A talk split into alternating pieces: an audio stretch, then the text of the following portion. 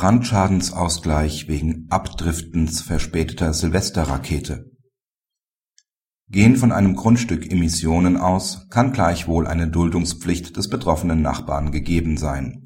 Für ortsübliche Emissionen kann ihm eine Entschädigung zustehen. Unter bestimmten Voraussetzungen allerdings kann er auch bei nicht ortsüblichen Nutzungen auf Schadensersatz haften, wie der BGH jetzt in einem Fall nach dem Motto Das gibt's ja gar nicht entscheidet der Beklagte zündet am Abend des 1. Januar eine Leuchtrakete von seinem zu Wohnzwecken genutzten Grundstück an. Diese steigt zunächst einige Meter gerade auf, driftet dann aber so unglücklich auf das Nachbargrundstück ab, wo sie durch eine etwa faustgroße Öffnung an der Scheunenwand eindringt, explodiert und dadurch den gesamten Gebäudekomplex in Brand setzt.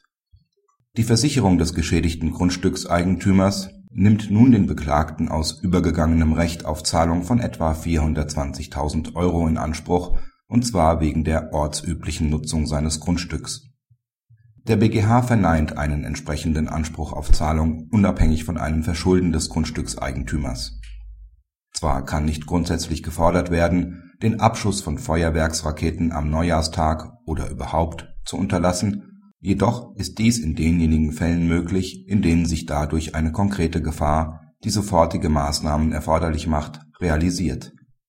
Ist eine Gefahrenbeseitigung wie bei dem Abschuss von Feuerwerkskörpern aus Zeitgründen regelmäßig nicht mehr durchführbar, steht dem beeinträchtigten Grundstückseigentümer ein Ausgleichsanspruch in Geld zu.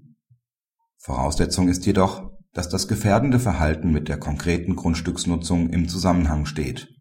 Dies ist vorliegend zu verneinen weil der Abschuss der Feuerwerksrakete der Befolgung eines volkstümlichen Brauches, nicht jedoch der Wohnnutzung dient.